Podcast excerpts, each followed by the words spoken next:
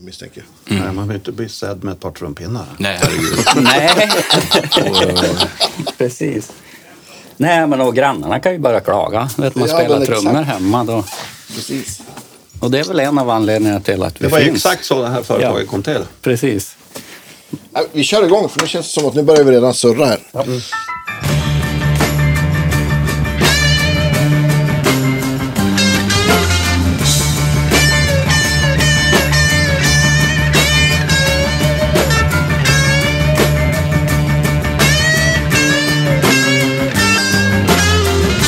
Välkomna till Guitar Geeks podcast. Idag så är jag i Umeå. Jag brukar säga att jag är på field trip. Det känns mycket mer seriöst än att säga att, jag är ute och far. Eh, idag så är jag hos Toontrack. Jättekul att vara här. Men jättekul att ha dig här. Ja. Och, eh, och, och det är inte bara jag, utan ni får presentera er. Ja, Ulf Larsson.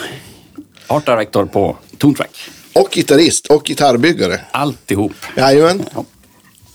Ulf Edlund, ljudtekniker på Toontrack och gitarrist och Ja. gitarrmek Ja. och massa annat. ja. Ja, Magnus Melkersson. eh, Lite av varje på Toontrack. ja. Och någon form av musiker. Det är skönt. Jag är omringad av gitarrnördar. Det gör mig... Det känns, känns tryggt. Absolut.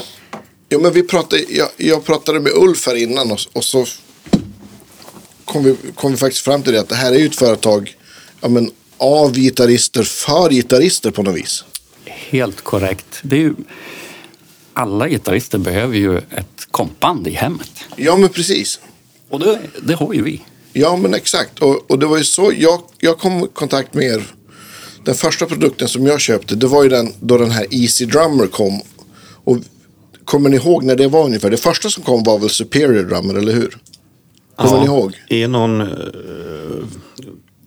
rudimentär version som var extremt komplicerad. Eh, eller den var inte dugg rudimentär, den var hemskt avancerad och väldigt komplicerad.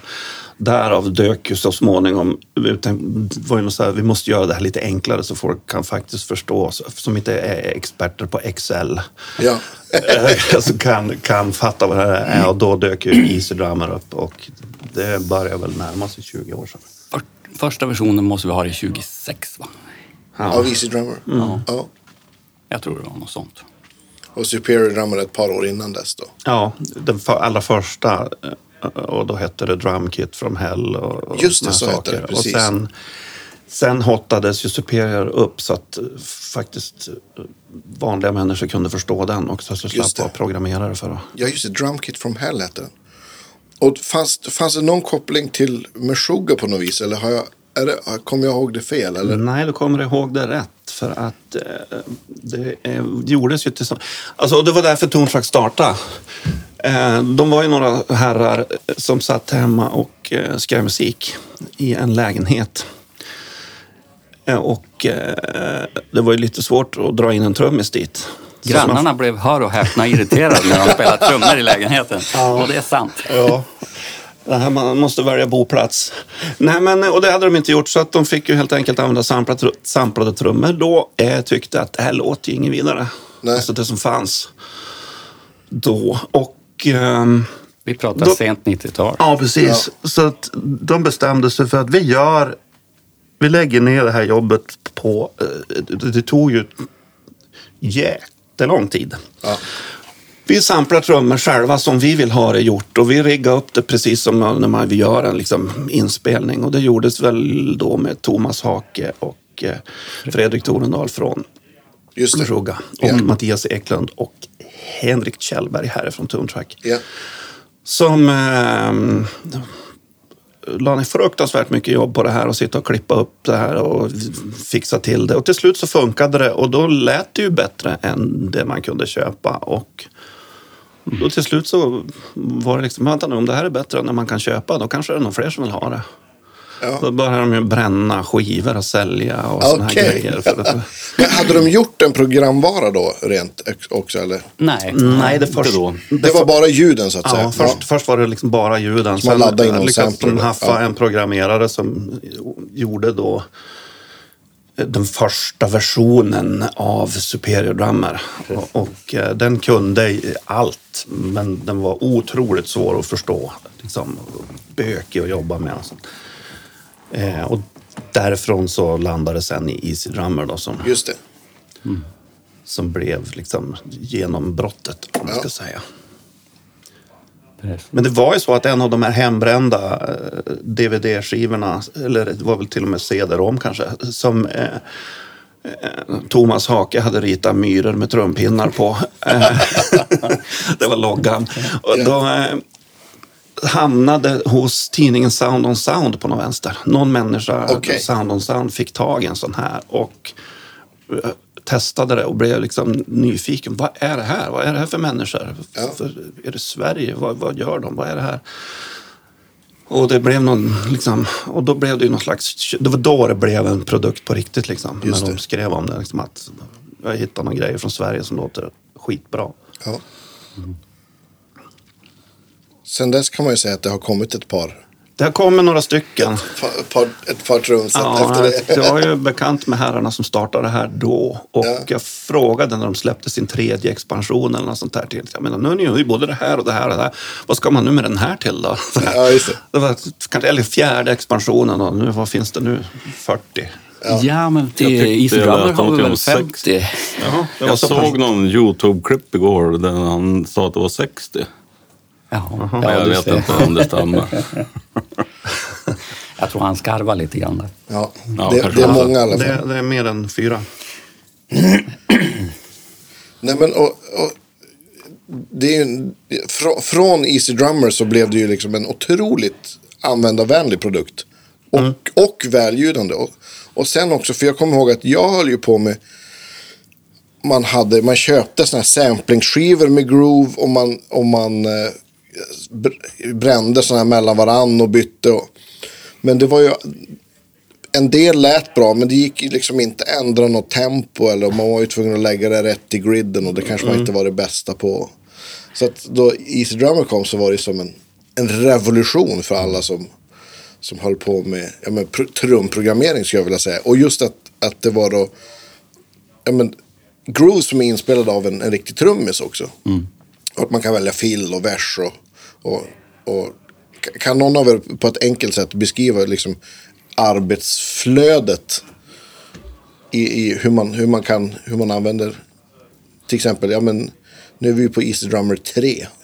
Ja, och det, det är ju skrämmande enkelt. Ja, ja men Alltså, egentligen så finns det, det finns ju så många ingångar, men om man då tar som låtskrivare, vi, vi är ju ändå, lika mycket som vi gitarrister så brinner vi för för låtskriveri. musik, ja visst. Och har, sitter man där med en idé som man vill förverkliga så har man ju ofta en, en inre bild av hur trummorna låter. Och den kan man ju knacka in i Easy Drummer för att få fånga liksom den grova rytmen Precis. och utifrån det få en massa förslag och, eh, på, på midi-filer. Då. Och kan du faktiskt göra så enkelt så att du tar den midi-filen du tycker låter närmast det du gillar och så säger du gör en låt av det här. Då börjar Easy Drummer med ett intro, vers, refräng och så vidare. Enligt olika mallar som du kan välja mellan. Precis. Men du kan givetvis nörda ner det på en mikronivå också. Och byta ut delar och... Ja, och men och- visst. Och justera i griden och greja. Mm. Så du kan gå från det enklaste enkla till faktiskt göra i princip vad som helst. Ja, men visst. Och i dagsläget finns det ju också, då, vad sa ni, nästan 50 olika ljudbibliotek. Så det är ju liksom allt från bluestrummor från 20-talet till de tuffaste metal-varianterna och jazz och allt däremellan. Ja, men precis. Vi, Och tänk, alla klassiska trummaskiner och alla Precis, här. just det. Vi gillar ju ofta att tänka i genremässigt. Ja. Speciellt när det gäller easy-produkter. Just det. Så eh, de har ju mindre ljud påverkningsmöjligheter Just det. i, i själva produkterna. Det är ju lite mer färdigskruvat. Ja, precis. Det är lite mer färdigproducerat och då kanske man måste välja spår lite grann. Just det. Så det gör vi Ja. genremässigt kan Ja. man grovt säga. Medan Superior har alla möjligheter. Där kan man få trummorna oprocessade också. Ja, de är Som de, där de är raw helt En rå enkelt. inspelning. Ja. En hisklig massa kanaler. Ja. Så då kan man ju låtsas att man har varit i studion med Eddie Kramer eller Precis. Frank... Ja, kanske ja, någon sån. Ja. Frank Sinatra. Ja. Precis, för det är ju nästa grej som jag tyckte var så fränt då ni började göra, spela in de här eh, packen eller vad man ska kalla dem, med kända producenter i legendariska studios. Det blir ju liksom ännu en nivå att man kan få ett rumset som faktiskt är inspelat i vad det nu än är, Power Station New York eller ja men Abbey Road eller vad tusan du nu än är. Ja, Jag var ju och gjorde en riktig sån här museiresa. Vi var ju i Muscle Shoals i Alabama och Ja. eh, i Fame-studion där. Och eh, den var ju nästan ett museum då när vi kom dit. Så att det, det som var bra med det var ju att allt, allt var exakt likadant som Just det det. var back in the day när Wilson Pickett och Aretha Franklin stod där. Liksom. Eh, och sen hade vi då som guide Jimmy Johnson som spelade gitarr i kompbandet av The Swampers. Yeah! Som hade ju kvar en massa anteckningar och grejer. Och vi, och han förklarade att deras sound byggde jättemycket på att de inte hade någon koll, sa han. För de hade ju liksom ställt upp en drös mickar i studion, spelat in på fyra kanaler och eh, allt stod alltid öppet. Så stod det inga blåsare framför blåsmickarna så var blåsmickarna ändå igång. Ah, det var liksom... Så att de ja. spelade ju in hela rummet hela tiden. Till han sa, en dag hade någon kommit dit och “Someone told us we had leakage” och han fattade inte vad de menade. Så här, det läcker mellan mickarna här för er. Här. Men det var ju det som var grejen, så vi gjorde ju exakt så. Eh, Och han visade här, och det det är samma gitarrförstärkare med samma eh, mick framför, samma piano med samma mickar på, och kontrabasmicken i hörnet och liksom såna här grejer. Och allt det har vi mickat trummor då så att säga genom. Just det. Och det var ju lite coolt att få jämföra det sen med en gammal inspelning som de hade som teknikern hade stäms på. Ja. Och han satt och flippade mellan de samplade trummorna och eh, originalinspelningen. Fram och tillbaka. Och man såg, han, såg, han såg nästan stressad ut. Han sa “This is freaking me”. och det var faktiskt, men liksom bara vara bland de där människorna och få göra det där. Det var ju extremt häftigt. Och det är bara en av de legendariska ställena som ni har varit på. Ja, eh, vi försökt, de, de försvinner ju en efter en de där nu. Ja, det är ju tyvärr så. Det är ju lite... Det ska bli bostadsrätter. Ja, men visst. Så, så har det varit mycket i... Ja, ja men exakt. I många städer. Det, den här... Ja. Ja, så att, eh, vi har ju försökt att haffa eh, de som fortfarande finns, mest de finns. Ja, ja både gubbarna och, och studiorna. Ja, faktiskt. precis. De Ja, börjar på vara gamla, många av dem. ja oh ja. Ja, inte vi. Det är tur att det kom Nej, nya. Nej, nej. exakt. Sun Studio har jag som önskemål då. Soundstudio. Sun i Memphis. Ja, den har vi provat, men där får man inte vara för de ska ha turister. Det är mycket lönsammare att ha turister. Det är lönsammare att ha guidade turist. Ja, det- Vi behöver för lång tid. Vi får liksom inte... Ja, de har ju bara inspelningar på dag, kvällar Ja, och liksom, nätter. vi, vi Ja, behöver precis. Mm. liksom eh, stänga ner stället i en vecka. För att, och, och det fick vi inte. Nej. Jag tänkte att det var... Sånt håller vi inte på med här. Sån. Nej. Musik, det hör till det förgångna. Nej, det, det, är inga, Ja. det finns ju inga pengar där. Vet du. Nej, det är väl så. Tyvärr. Men sen började ni göra, göra inte bara trummor utan Easy Keys. Var det den första som var ett instrument man kunde spela toner på? Det stämmer bra. Och det är uppbyggt på samma sätt. Att man kan skriva in ackord eller välja, välja färdiga komp. Och, och på ett ä- väldigt enkelt sätt både byta tonart och läggningar. Så det även fast jag spelar lite piano så har jag använt det faktiskt ganska mycket på, på Ja. grejer. Både för att ljuden är bra och för att det blir så här, ja, men det, det är en pianist som har spelat det helt enkelt. Ja, men visst. Och när, när kom... Easy Keys, var det 2013? 13 var det väl, ja. Ja, ja det är tio år sedan. Ja. Och Easy Keys 2 bara för några veckor sedan. Ja, Ja, berätta. Den, den, jag hade ju äran att få vara i ert rum och ha klinik här under Umeå Guitar Show för någon månad sedan var det nu va? Ja, Ja, just det. precis. Och då hade ni lite genomgång av, av, Det kanske till och med var typ då den släpptes. Kan det ha varit så? Ja, det var det var till och med före. Det var ju Ja. några dagar innan den släpptes. Ja. Eh, ja, precis. Ja, Men vi har ju liksom uppdaterat den så att den är eh, i samma... Den har samma utseende och samma funktionalitet som, som liksom alla de andra. Nu kan de ju prata med varandra lite grann de här. Vi har ju någonting som heter Bandmate där man kan visa pianisten vad basisten spelar och så kan den räkna ut eh, Ja. ungefär vad den borde lira till och sådana här grejer. Ehm, Så att om man, om man har ett, om man har ett, ett shuffle trumkomp så förstår basisten att det är shuffle och så Ja, vidare. precis. Och pianisten också. Jajamän. Ja, för där kommer du in på Easy Base då, som är nästa bandmedlem. Precis. Ehm, och nu, nu, nu sen Easy Keys 2 äntligen landade så då är de här tre liksom, På samma de är med i samma band. De är med i samma band. Och de är samspelta.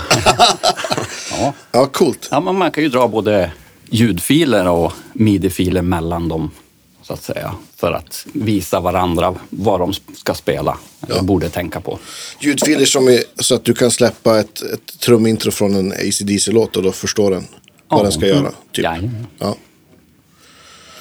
Eller gitarr såklart. Eller gitarr, du kan spela ett gitarrkomp, ja. Precis. Ja, men precis. Ja. Och Easy Keys kan ju då översätta det till ackord till exempel. Exakt, precis. Det är ju ganska För det visar ni och det var ju, det var ju lite mindblowing. Kan, ni förklara, förklara det lite på djup, Alltså, så? själva, jag, kan faktiskt, jag kan faktiskt inte förklara hur det funkar, för jag har inte jobbat på den biten. Men jag vet att det funkar. Det, jag tycker det är helt magiskt. Det, det är ju inte bara att den har ackorden, utan den har ju spelstilen Ja. och eh, rytmen på om du spelar in en akustisk gitarr till exempel. Jag vet, såg du den där lilla demon Jo. som jag körde när jag hade min akustiska gitarr? Det var den där jumbon som jag spelade in med en iPhone. Bara för att. Bara för att. Mm. Det är inte alla som, som eh, har en mickar i sin hemstudio ens en gång. Nej, precis. Så jag ville testa det om det gick och det gick makalöst bra. Jag spelade så här vanliga visackord. Eller Ja. Fringgitarr som jag Ja, brukar kalla precis, det. Ja. exakt. Och den hittade där. Och sen får man ju upp naturligtvis en massa förslag och alla är ju inte bra. Eh, Eller alla är inte det du är ute efter kanske jag ska snarare säga. Men eh, nej, jag, det, jag blev Häpnadsväckande. fascinerad. ja, men det, eh, Ja, det är det, måste ju vara någon typ av, är det AI på Ja, något det vis? är AI. Det är den biten jag inte... Nej, men såklart. så här, wow. Nej, Och, och det känns som att det kanske är någonting som, som kommer mer och mer i, eller det gör det ju verkligen i andra så vanliga mixpluggar och sånt också. Jo då. Så att det känns ju som att det är Det är dit som vi är på väg med. naturlig utveckling. Ja, men precis. Programinlärning. Ja, precis. Exakt så. Så man kan helt enkelt översätta sin, sin Fring-gitarridé inspelad på iPhone, kasta in den så får man den uppspelad på Benny Anderssons piano. Ja, eller hur? Jo, faktiskt. Ja. Ja, det, är alltså, det man måste, måste ha i åtanke då, det är det att du bör ju spela mot metronom för annars blir det lite konstigt. Ja, såklart. Bara så att vi förstår Ja. grunderna i det här. Ja. ja, annars är det ju svårt. Annars, datorn kan ju inte veta vad ettan är och så vidare. exakt. Men det är det enda. Ja, Så det tycker jag är helt magiskt. Eh, sen har vi en, eh, om vi får backa tillbaka till Liseberg som vi hade före, där har vi ju jag är ju egentligen basist men jag använder eh, Easy Bass i 95 procent av alla grejer som jag gör. ja, Men då spelar jag oftast bas själv och så sen använder jag audio-trackern och för in det, det, det, den inspelade basen är inte Easy där jag då kan eh, gå in i in absurdum och eh, rätta och snygga till och ändra i efterhand. och få en sub Ja, till oktav exempel. till exempel. Precis. För det är en Eller byta klass- bas. Eller... Ja, exakt. Ja, Men bara en sån grej som när man sitter själv i, liksom i studion hemma och eh, rotar på och det börjar vara dags att lägga sången och nej, då, den skulle nog inte gå i det i alla fall som du skulle hade trott utan den måste, det måste, det ska vara E. Mm. Jätteskönt att slippa lägga om alltihop. Ja. Liksom, när man är i det stadiet. Ja, men visst. Och, och Easy Base är ju också på samma sätt att det finns olika, allt från, eh, från ja, men, P-basar och, och, och, och Beatles-basar. Kanske till och med någon av de baserna jag tittar på här som är. Ja, alla de här Faktum är eh, att det är allihop. är det är allihop. Ja, jag förstår. jag misstänkte spar, det. Vi sparar de som vi tycker bäst om. Ja. Så plus att man då kan få en, ja, men en, en Beatles-bas fast man kan göra mycket mer än vad man kan egentligen på en, på en, eh, på den riktiga så att säga. Ja, det kan man ju. I och med att man har så mycket kontroll på Precis. det som händer.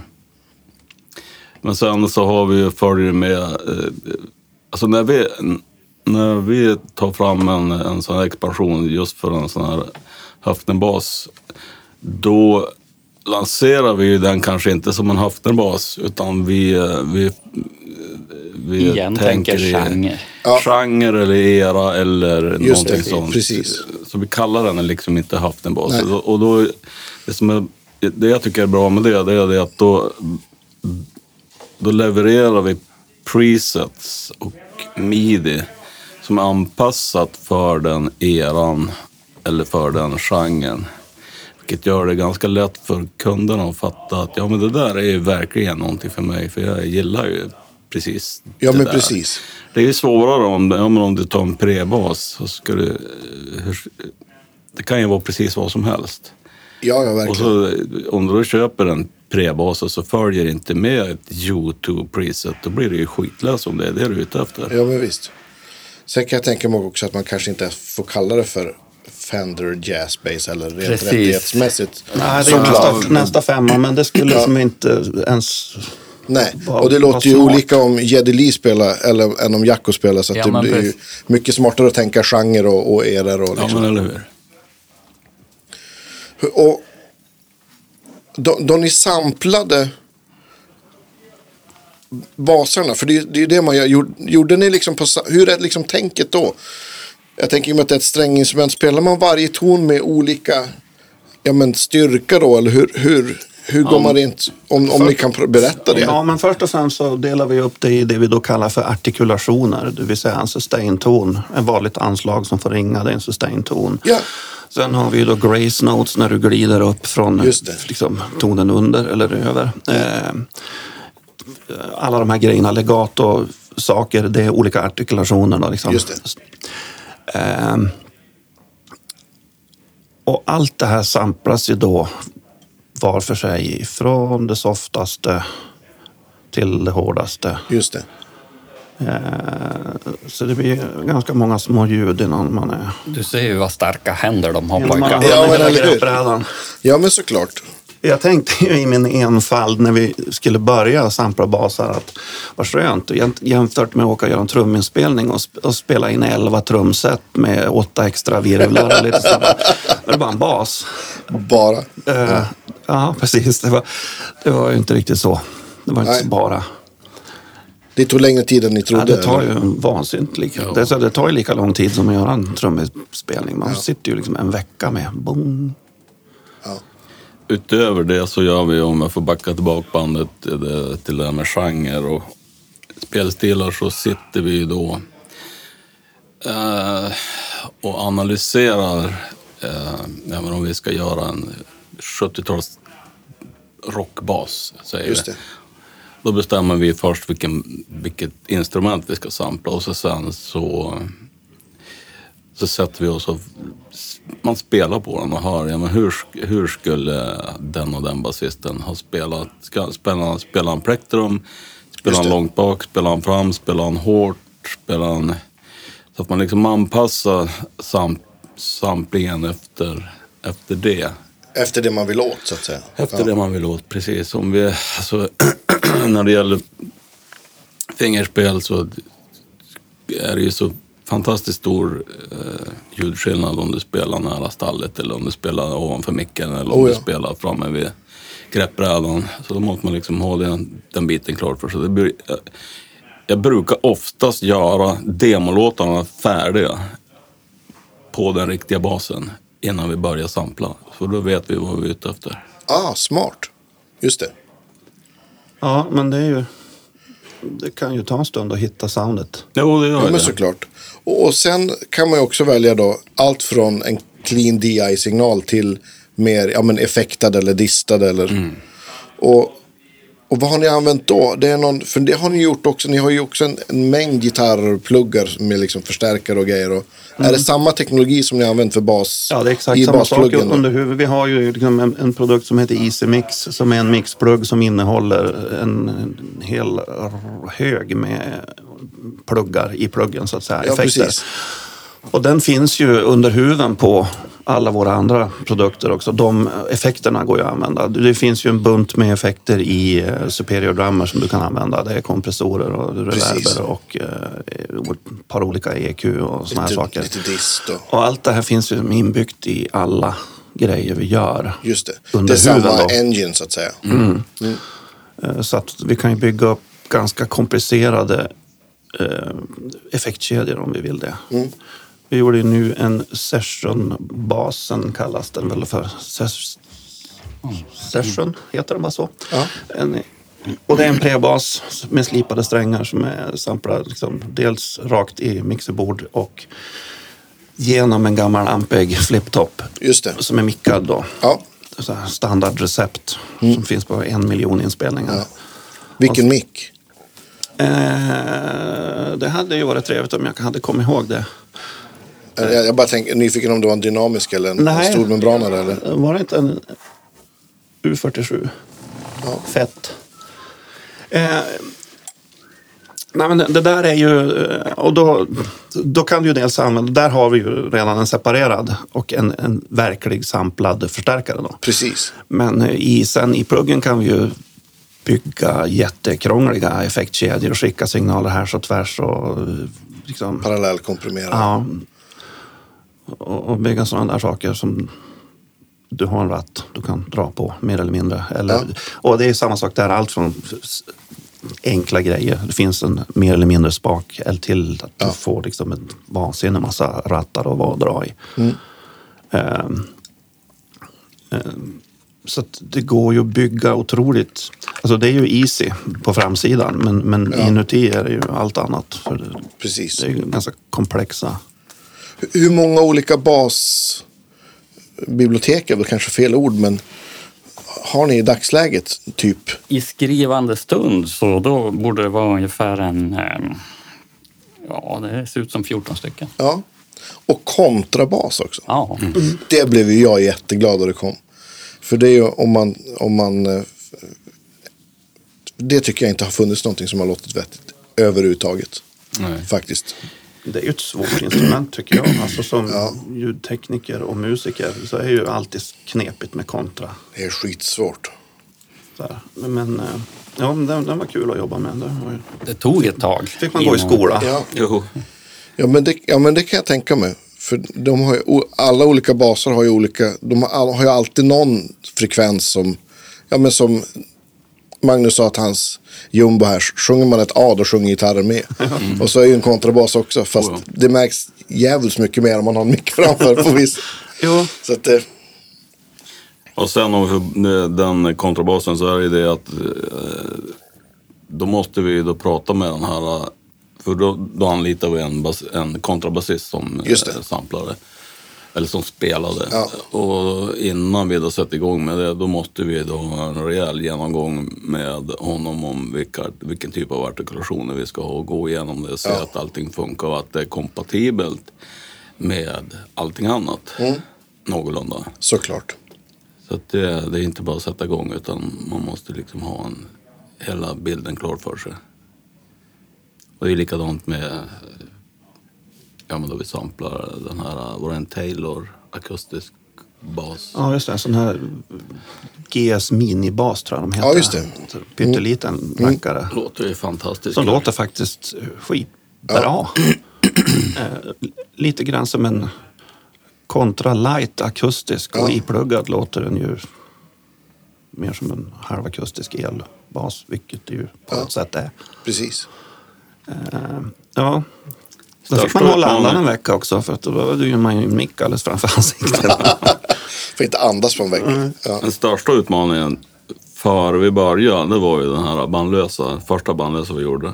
Eller ja, för, vi har bara gjort en, men kontrabassen är också samma. Men med den teknologi som vi har utvecklat så föll liksom allting på plats på ett sånt lätt sätt att man bara häpnar. Det, det blev så bra att jag är helt knäckt. Ja. Den är helt magiskt bra. För just det här precis att kunna glida upp Ja, till en ton. Det är ju, måste ju vara. Jo, det var... Det känns lite enklare än att sampla av ett piano som spelar ett C. Ja, verkligen. Men pianon är också väldigt intressant att sampla.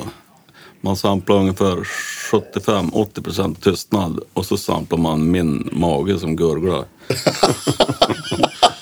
Resten är det som blir kvar. Ja, precis. Av tiden. Ja. Och snöskottare. Och snöskottare. Ja, okej. Nej, men, eh, det är ju generellt faktiskt. eh, Och det brukar man ju få förklara ibland. När man är, vi har ju, ibland måste, måste man åka och kolla på studion och bara vara där och höra. Är Ja, det visst. tyst nog här inne? Ja, men exakt. Det är ju faktiskt inte alla studios det är tyst i. Och eh, just det här, vi samplar ändå 80-90 procent tystnad. Det är Liksom det är toner Ja. som ska ringa ut, en symbol som ska ringa ut tills det blir helt tyst. Och Mm. liksom, det är ju... ehm, Ja, kör då bussen förbi och det hörs, då spricker det ju. Ja, såklart. Då får man ta. Ja, men det har ju hänt i eh, väldigt celebra studios i... Att, att, att ja, det bara regnar och det hörs in i studion. Ja, just det. Liksom så här. Men hur kan ni spela in musik här? Ja, det där har vi aldrig tänkt på. Så. Nej. Ja, men, ja, men det är klart. Då det ska Och klinga särskilt om ut. det är gammalt och klassiskt. Ja, och liksom, det här såklart. var ju kanske inte byggt som en studio. Nej, nej, precis. utan- Jag kan tänka mig att Muscle Shoals-huset kanske är bara ett hus. Ja, det var faktiskt ganska bra. Ja, okej. Men, uh, Det kanske låg lite avsides också. Så att det... nja, hyfsat. Men, men eh, man är mitt inne i huset också där. Så att, eh, så att det funkar. Tjena! Vad gör ni? Vi spelar in podcast. Jaha, Ja. är det så fränt? Ja. Det är då fränt. Låter öppet, det blir så varmt. Tänk om du får höra ACDC. Ja, men vi gillar AC/DC. det går bra. Nej, men, jag, hörde, ni, hörde ni snöskottare då ni samplade piano hos Bennys piano höll jag på att säga? Eller? Nej, Nej, men jag tänker eh, däremot- Ingen nämnd och ingen Nej, ingen glömd, nämnd, ingen men glömd. Det, Nej. det händer den, den, Den bästa. mesta. Ja.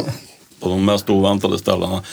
Ja, men det är ju det, om du spelar in en låt som är tre minuter lång och du har fullt arrangemang hela tiden, då går ju det där kanske inte igenom så mycket. Men om du spelar in ett piano till exempel, där du har mm, varje sampling är 20-25 sekunder lång och det är fyra bilder som smäller. Ja. Det blir jobbigt att efterarbeta. Ja. ja, det är 20 sekunder. Det är så pass ändå.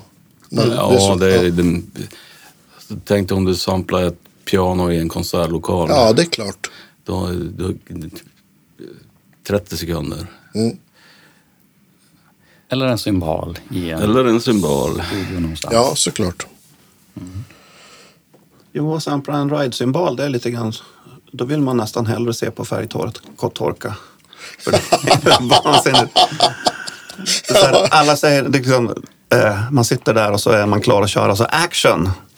Och alla blir tysta. Och så liksom, ping! Din tröja hördes. Ja, lite så. Jo, eller hur? Ja. Ja. Jag hade för länge sedan en, en ganska karismatisk trummis som gjorde en inspelning. Han var, han var ju extremt peppad. Och så satt han liksom och gjorde rimshots på virveln och så fick Ja. han till en riktig feting. Och så bara, yeah, säger han då. Så bara, du, du måste komma ihåg att vara tyst. Så, så, ah, sorry, sorry. Och så sen så gick det en liten stund och så bara, oh that's a good one. Och så bara, men du kan inte bra. Så att eh, man stöter på olika problem. Helt fantastiskt. ja. Men jag, jag kan tänka mig också att men, men ni har gjort så att, att det, är liksom, det är kända trummisar som spelar de slagen också. Jag tänker att, att, Ja. eh, Ja, det en att vet de vad de har gett sig in på då de ska spela in ett samplingsbibliotek? Ingen av dem har vetat. Nej, jag förstår det. Ja, jag, tänkte, jag tänkte svara ibland. Men några vet nog fortfarande än idag inte vad som hände riktigt. Nej. Och de- här veteranerna som vi gjorde för länge sedan. Som, som Ja, men i Clyde stu- Stubblefield Ja, precis. De kom in i studion och säger What songs are we gonna play? Och så- Ja, de tänker att de är hyrda på en session en vecka typ. Ja, och då hade det blivit någon riktigt taskig kommunikation. Så, att, så, så ja, vad ska vi lira för låtar här då? Ja, alltså... Nej. Eh, de var inte så där. Jag var inte med då, men jag tror inte att de var Inte jätteroade. superpeppade. Sitta och sampla. en- Ja. Men de, det är ju väldigt svänga, vad heter den, Funkmasters tror jag den Ja, heter, men va? det är ju helt sjukt. Clyde och Jabbo, det är ju fantastiskt. Det har jag använt sjukt mycket Ja, alltså. grym grej. Ja, Ja, men verkligen. de har ju liksom sound också. Det är ju, Mm. Man tänker ju inte på att trummisar faktiskt har sound, men det är ju klart som korvspad. Ja, ja visst. Ja, det är ju precis. Ja, men det kan jag också tänka så här, hur ett akustiskt piano kan låta olika på. Och beroende på vem som spelar. Det är klart att det låter olika vem som Ja. spelar på en trumma. Ja, men vi, som sagt, vi också. var ju i Stockholm och samplade flygel och du, du fick ju sitta och spela i en halvtimme. Jo. Medan eh, Linn som är tekniker gick runt i rummet liksom och Ja. lyssnade och, så här, och konstaterade att du hade ganska soft ton och, och sånt här. Och, ja, vi ska göra så här. Mm. Och, och då, för, för alla som lyssnar, då, då var ni på Riksmixningsverket på, Ja, som på Skeppsholmen. Som ligger på Skeppsholmen Stockholm. precis. Och, och det är en fantastisk studio, skulle Ja. jag säga. Eh, Och, och där står det också ett, ett piano som är något utöver det vanliga får man väl säga också. Ja, jo. Va, vad är det för något? Kan, Det är en flygel av märket Fazioli som är Mm. liksom, det är ju extremt, extremt påkostade grejer. Eh, Det hyrdes in dit för en inspelning för ett gäng med år sedan, men den blev kvar där. Benny spelade väl på den och så tänkte han, det här ska jag ha. Ja, Ja. så att, ehm, nej, det, det, det, det var, det var intressant. Och just det här då ändå att sitta och lyssna på. Man tycker att ja, men det, man trycker bara på en knapp Ja. och så är det bara en grej som slår till en sträng. Det, det blir samma oavsett vem som gör det. Men på något sätt så blir det faktiskt inte så. Nej. Ja, en, en kort eh, side-note om det där pianot. Jag var på någon, de brukar ha en sån sommarfest varje, ja men så här i, i, i maj, juni sådär. Och så var jag bjuden för jag hade varit där och gjort något projekt. Så jag var bjuden, så jag, jag stod inne i live-rummet med, ja med typ en, en öl och pratar med en, en ljudtekniker.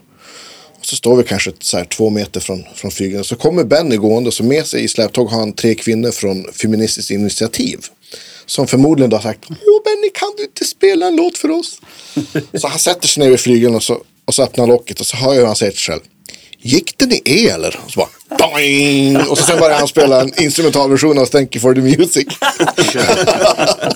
det var mäktigt.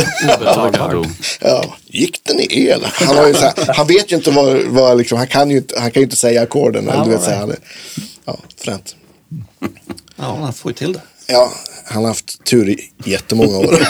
Ja. Fantastiskt tur. har ni gjort någon truminspelning där i? Ja, det har gjort en som har det passande namnet Stockholm.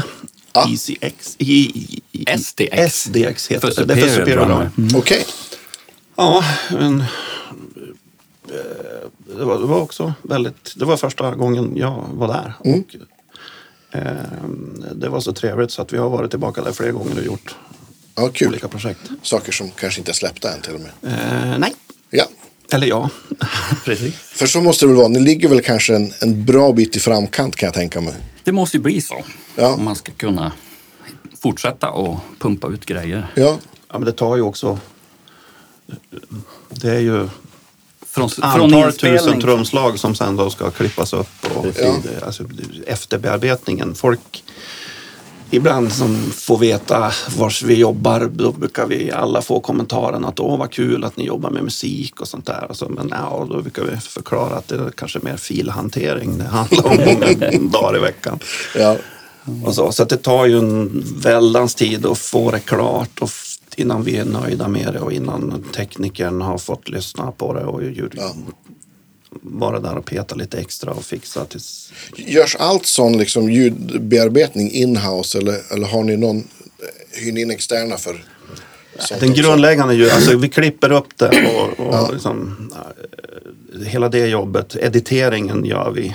Eh, Sen brukar oftast den tekniker som har varit med på inspelningen få vara med och ratta och Sätta göra, ljudet, sätta liksom. Ja, liksom. Mm. lite mixar och några mix presets och lite sådana här grejer. Hålla koll på att det blev det som det skulle bli. Ja, men och det, om någon ska sätta sitt namn på någonting så Precis. förstår jag att de vill, vill vara med på det också. Ja, såklart. men som det här fallet då som var det sista som jag var och gjorde med tr- trummor. Då, då har ju liksom Linn har ju en tanke Just det. vid inspelningen. Ja. Och sen är det ju som sagt, för Superior är ju råa ljud, det är ju omixat. Liksom, så att, så att hon måste ju som få göra klart det sen när hon får tillbaka ljuden av oss klippta och i, i, i pluggen. Och eh, dra det dit hon siktade från början. Liksom. Ja. Men sen, sen som, om jag förstått det rätt också så är väl vissa sådana här superior kit har ni sen gjort Easy Drummer-versioner av med mer färdiga ljud och mindre valmöjligheter också. Ja, det man- finns några som finns i dubbla versioner. Ja, som, precis. Ja, jag plockar bort lite grejer så att det blir hanterbart helt enkelt. Och eh, så är det lite mer färdigmixat. Och, eh, de, de är ju kolossalt stora, de kan ju vara 100 gig Ja, men precis. I, till Superior. Ja. Och Easy Drummer biblioteken är ju mindre så att du ska slippa köpa så mycket hårddiskar. Ja, exakt. Lite snabbare att hantera. Ja, men exakt. Mer ta med-vänligt. Ja, men och det är, ju, det är ju snabbare. Som sagt, låtskrivarverktyg. Vi skriver ju musik allihop här nästan. Ja, Och då menar jag inte bara vi här i rummet utan alla som jobbar i det här huset håller ju på Ja. med, med det. Och eh, när du får feeling, gör, gör naturligtvis just det när du ska gå och lägga det. Då får du den här idén, så bara, nu vet jag, nu, nu hör jag hur det ska vara. Och så springer man iväg. Då vill man ju inte sitta och, ratta fram trummor i en timme. Utan Nej, men precis. slå igång det, tryck på play, eh, Ja. plitta ner det på tio minuter så man kan gå och lägga sen. Ja. Och jag har ju, jag, jag har ju använt, jag, jag kommer inte ihåg, någon gång jag och Ulf pratade så, så konstaterade jag, ja men du har ju, jag vet inte vad det var, 73 eller 83 Ja, registrerade produkter.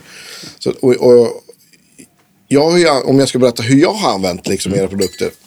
Så mest har jag använt, trummorna har ju varit det som var den stora så här, revolutionen. Dels för att skriva låtar och producera låtar.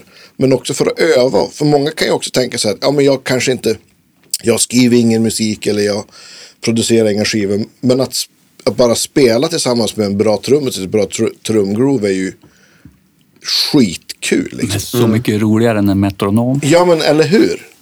Ja, Och det är en metronom som svänger. Det är ju liksom så jag gör när jag ska, om jag ska till exempel få ner en idé.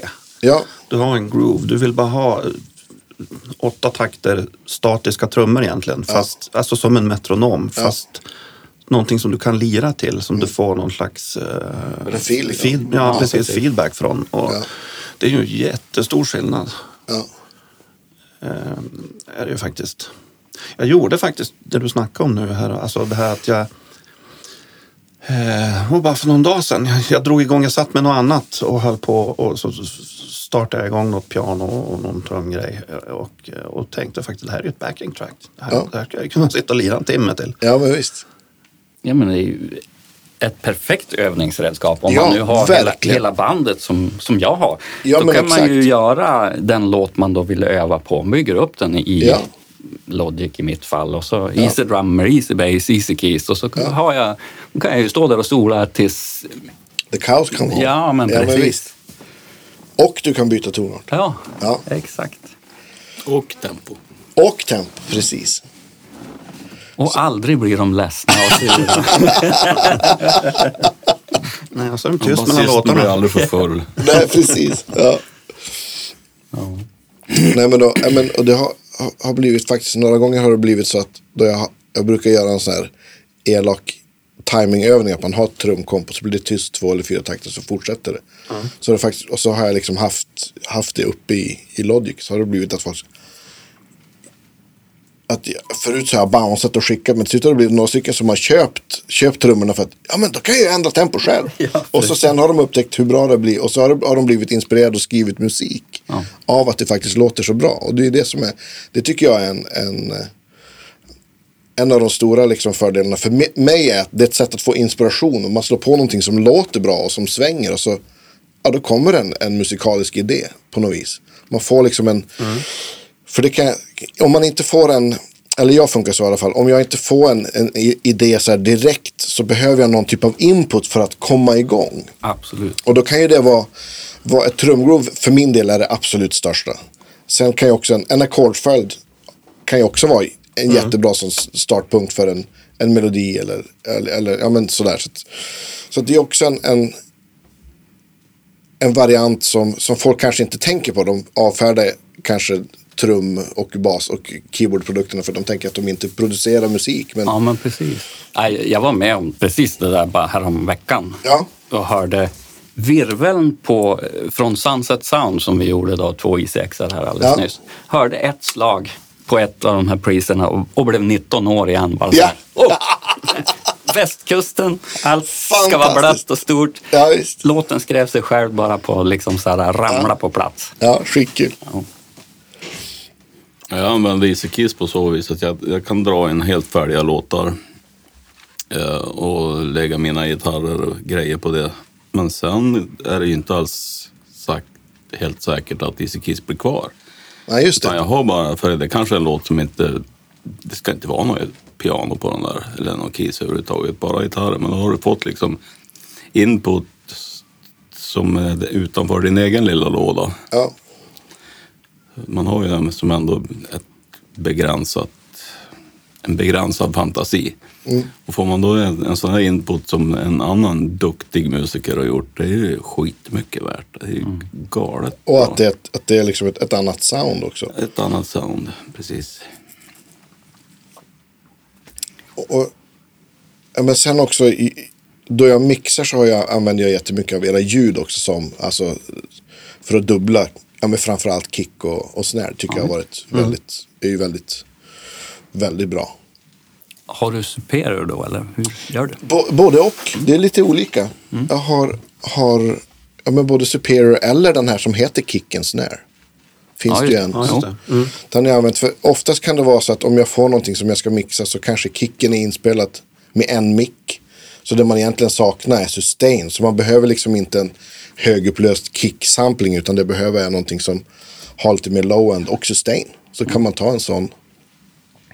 Den, det beror lite grann på, på genre och, och, Ja. liksom, och, och tillfälle. Jag tänker Superior eftersom Superior har en inbyggd funktion för att just Just det. fånga trummorna och du kan väldigt enkelt just byta ut eller bara förstärka. Det har jag faktiskt gjort på. Det kan, det, det kan man ju byta ut ett helt kit också. Ja. På ett helt, det är också lite svart magi faktiskt. Det har jag faktiskt bara gjort en gång men med ett resultat som blev fantastiskt Mm. faktiskt. Jag har använt det till att ehm, jag hade ett trumset som var inspelat i en otroligt död lokal. Mm. Eh, och då trackade jag det som det heter då i Superior liksom, och fick ut midit ur det. Och använde bara rumsmickarna från någon studio. Just det, precis. Ja, det är en klassiker också. då, då får man ju hitta trummor som låter ungefär som trummorna Ja. som är inspelade. Så. Och jag kom hyfsat nära och det lurade några. Det, det är ju ett av mina sådana, ja, men till exempel tricket med virvel, att man, att man använder ett, ett ljud som är kanske ja, men mest overhead eller rumsmickar. För att få någon typ av, ja, det är inspelat i ett litet rum. Och det, Mm. Ja, det så var helt lite djup i det. Helt plötsligt så har man Ocean Way Mm. på virvel. Ja, det är bra med kontakter. Ja men precis. Nej, men så, så det, det, det tror jag också att jättemånga som mixar gör. Det, det kommer jag ihåg. Då Easy Drummer kom. Så kunde man ha, då bara man slog på radion så var det. Kände man igen det här virvelsoundet. väldigt, väldigt ofta. är, ja, det är väl använt. Det är väl använt. Ja. Hörs på radion varje dag. Jag till och med, till och med träffade på en tekniker som hade ett som han själv tyckte åtminstone, någon signaturvirvelsound. Ja. Som byggde på att han använde våra samplingar. Ja, Så det blev lite avigt. Men då, ska vi sampla våra, våra samplingar här? Jag har tänkt. Ja, jag använder alltid de här. Ja, Så typ, men han hade två, tre på varann. Liksom. ja, just det. Ja. ja, roligt. Hur... Ni spelar ju gitarr allihopa. Vi måste ju, måste ju eh, gitarrnörda lite Visst grann är det här också. en gitarr? Ja, det är en gitarrpodd. Precis. Vi har ju faktiskt med basister ibland också. Ja. Magnus, du spelar ju både och. Så du, så du, du kvalar in båda dubbelt. tre. Båda tre, Båda exakt. fyra spelar jag. Ja, Trummor oftast på keyboard eller? Ja, på keyboard? Nej, jag har, jag har, jag har haft en karriär som trummis faktiskt, tro det eller ej. okej. Eh, kort, men eh, kort. Ja, men Men skulle ni vilja berätta lite grann om ni har några så här musikaliska projekt och, och grejer som ni håller på med nu och vad ni gillar för grejer eller vad ni använder gärna. Nu begränsar vi oss till gitarr då, tänker jag. Ja, alltså, jag tänker du professionellt här på Ja, kontoret eller? Nej, jag tänker så här privat. Ehm, jag använder eh, uteslutande Mix eh, för gitarrer. Tidigare gjorde jag inte det, men... eh, Jag Alltså med- för inspelnings... Ja, Alltså eh, våra pluggar eh, med våra förstärkare och, och så vidare. Mest för att det är så sagolikt enkelt att slippa eh, rappla med eh, och sätta upp egna signalkedjor hit och dit och måste välja. Visst, det finns presets men jag tycker alla presets är för komplicerade. Jag vill bara sätta igång och så vill jag bara spela på en gång. Och det är ju precis det Plug som. Easy Mix är Ja, gjord för. Och det var kanske inte nämnt Nej, men tidigare. precis. Det har vi inte kommit till än. Men, men det är ju en multi-effekt som vi har sagt. Men den har ju även förstärkarsimuleringar Ja, och precis. eh, IRR och allt möjligt. Precis. Men det är väldigt lätthanterligt. Det är inte en bapiljard rattar och Nej, knappar. nej, och nej. utan- stycken. Man ja, kan exakt. inte göra allt, men Nej. man kan låta på väldigt många olika sätt. Ja. ja, men precis. Det går ju att låta som en tweed eller, eller som... Jag, jag är ju av den här skolan att jag har, eh, jag eh, spelar hårdrock. Mm. Det är liksom min grej. Och då eh, spelar man hårdrock då har man jättemycket grejer. eh, Och då använder man eh, oftast en Marshall på full volym. Och vi har ju sådana presets. Men det som jag, mm, det sättet som jag spelar på, det är ju det att jag jag använder ju den Marshallen även om man ska spela någon funkgrej eller om man ska spela någon discogitarr eller whatever. Just det. Jag skruvar bara ner på gitarren och får liksom det här rena... Äh, ett rent ljud med lite stuns och lite attack. Precis. Brent som Björn Juhl brukar säga. Ja, men Bättre exakt. än rent. Eh. Jag älskar det. Det blir så, Ja. det är så enkelt. Så jag har faktiskt samma preset till vad jag än gör. Exakt vad jag än gör. Ja. Lite, lite rums, reverb Ja. och så sen. Vilken, eh, vilket pack är det då som kommer du ihåg? Faktum är att jag fuskar lite grann. Ja. Jag har gjort ett eget. Ah. För, eftersom jag kommer åt programmen som ligger under. Just det. Jag gjorde det för att jag ville ha Precis, exakt. exakt samma signalkedja som jag har hemma. Men jag Ja. tänker nog göra ett, det, det kommer att komma ett, Ja, vad kul. ett, ett Melkersson hårdrockspack. Ja, vad kul. Ja, men det tycker jag. Yes. sen, jag vet, jag har ju sett, du gillar ju att spela Soldano då du spelar på vanliga förstärkare, eller Ja, hur? Ja, eller hur? Precis. Solano och Marshall är som Mm. min grej. Men nu mot slutet är det mest Solano. Men eh, det är väl kanske mest av bekvämlighetsskäl. Det är enkelt, eh, enkelt att få volymen un- någorlunda under kontroll. Men Ja. får jag välja så spelar jag i Marshall. ja. Plexi. Och det är SLO då, eller som är... Ja, Plexi. Nej, Solano ja, precis. Oh, yes. Jo, jag är som lite gammaldags. Ja, men det... Och så Heimer gitarrer. Bara hårdrocksgitarrer. Heimer. Ja, Ja, precis. coolt. Jag tycker jag har sett en guldfärgad gitarr. Flimrar förbi också. En Ja. gam, jättebegagnad guldfärgad gitarr. Jo. Jag törs nästan inte använda den nu. Nej, jag har en, Är den gammal? 53 Goldtop som jag Oh. använder ganska ofta. Med, är det en conversion eller är det, Nej, det är det är P90s? stock. Ja, härligt. Ja, väldigt härligt. Ja, det låter ju helt magiskt. Och där verkligen kommer ju den här volymkontrollsändringarna till sin Ja. rätta.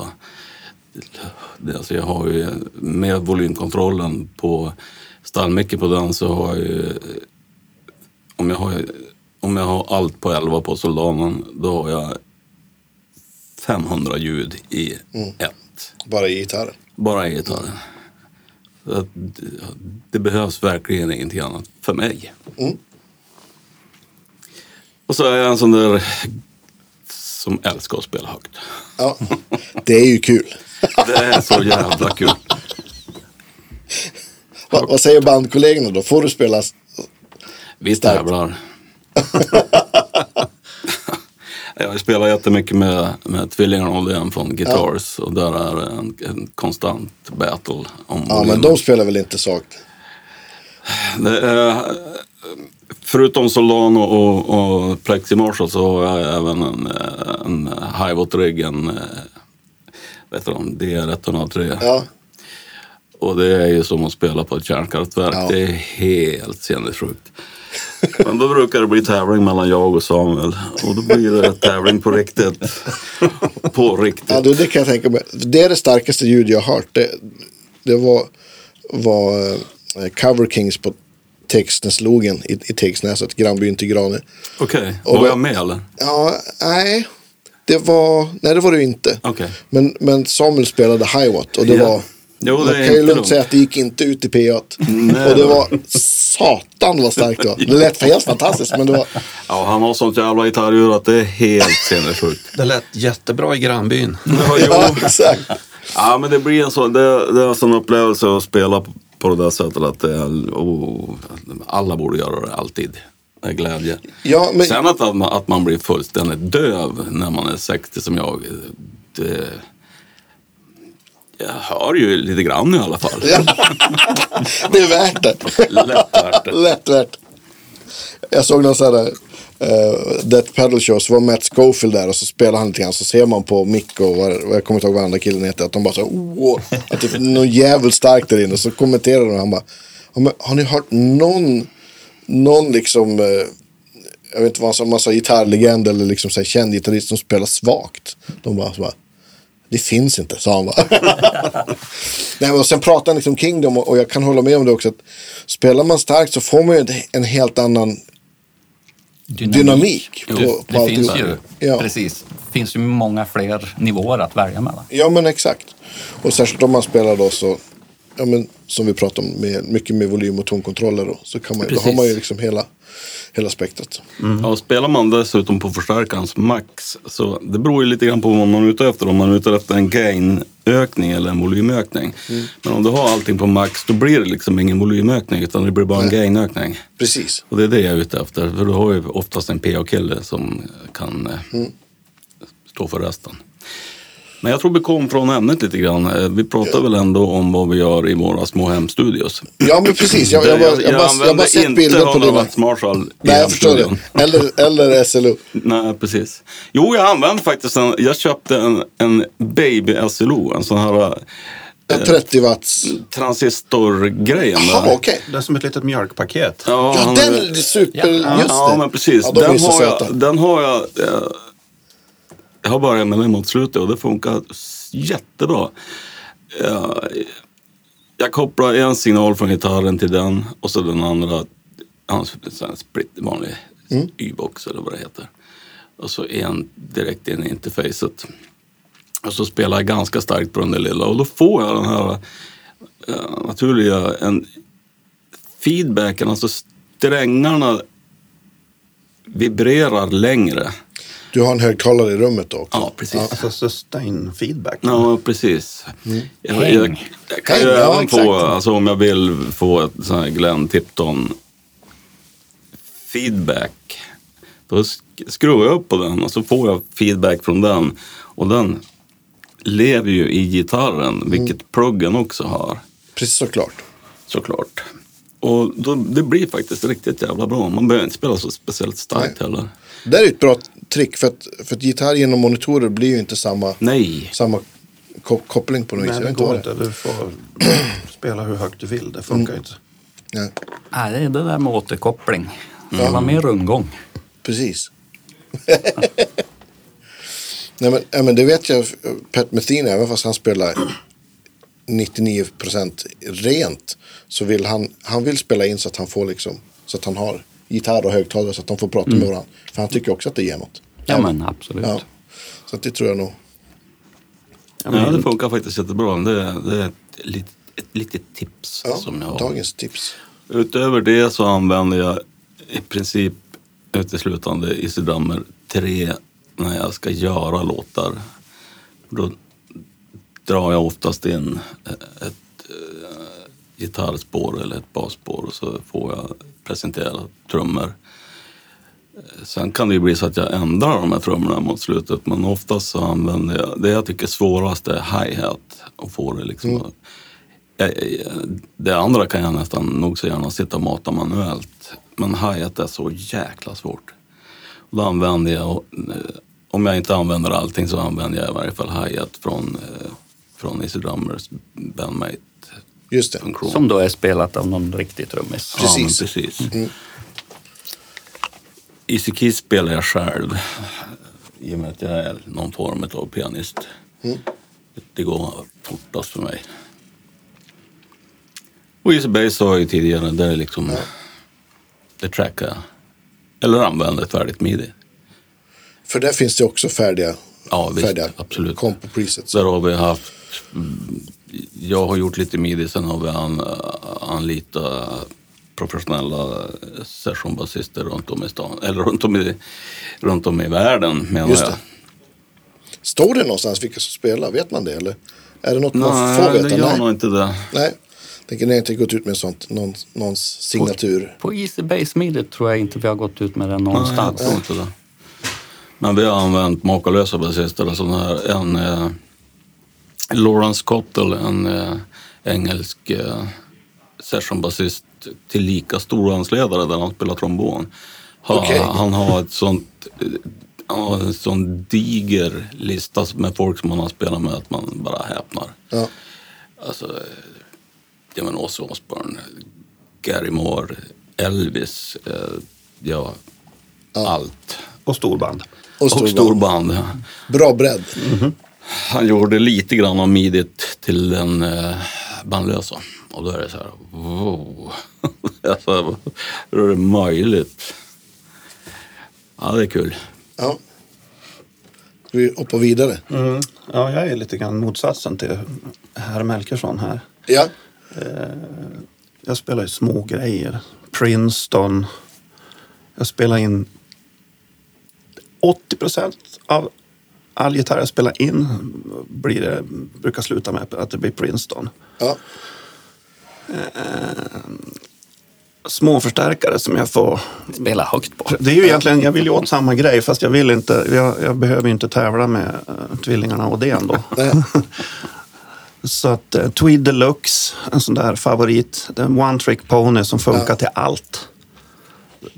Liten klen förstärkare som låter som den håller på att gå isär och, på ett jättebra sätt. Och det, den är magisk till en tele. Ja, ja, oh ja. Eh, och min nuvarande favorit-tele, eh, den är ju byggd i Norsjö då. Utav prima svensk gran Ja. av Perra. ja. Eh, grymt bra gitarr. ja.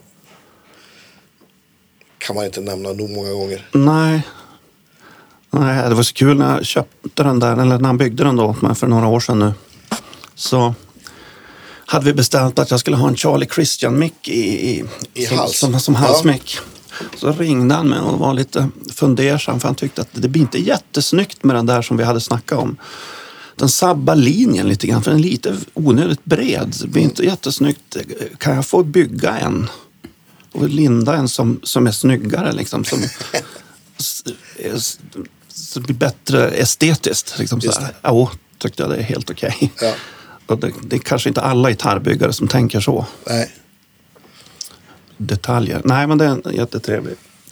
Men jag har ju en miljon gitarrer, tror jag, 40, 40 gurer. Så Ja. eh, det, det, är ju, Härligt. det är ju allt mellan himmel och jord. Det senaste jag gjorde var nu faktiskt att jag byggde om en, eh, eller byggde om, jag strängade om en gammal Dan Electro. Sån här U1. Vad är det där? En 58? Per- Faktiskt Perra har ägt en gång i tiden. Okej. Eh, Jag strängade om den och satte en eh, G-sträng från en bas, alltså tunnaste bassträngen som, som tjockaste E-sträng. Och så flyttade jag liksom ner alla de andra så jag gjorde en fusk barytongura. Ah, okej. Och det där är ju som intressant när man får vad man börjar spela andra grejer då. Liksom, när du får Ja, ett oh ja. annat instrument i näven. Men vad är vi på för strängtjocklek då? På? Och stämning? Jag stämmer ner den till eh, ett B då. Ja, BTB helt enkelt. Eh, ja, det är väl en... Vad är det man har nu på en bas? Det är väl en fyr- 40... början på 45. Ja. 45 105 eller? Vad är det här för sträng? Ja, det här var de här tunna. Ja. Nej, men det, det var, det, det, då gjorde den gitarren 60 band. väldigt mycket roligare att lira på. Ja. Så Den var kul innan också, men nu... Eftersom man har några till då. Ja men visst, att, att vara stämma att om är ju, det är lite, man får ju samma feeling tycker jag om man sätter ett, ett capo högt upp. Så man får liksom helt plötsligt så blir det ett annat instrument. Ja, jag är flitig kapanvändare. Och, eh,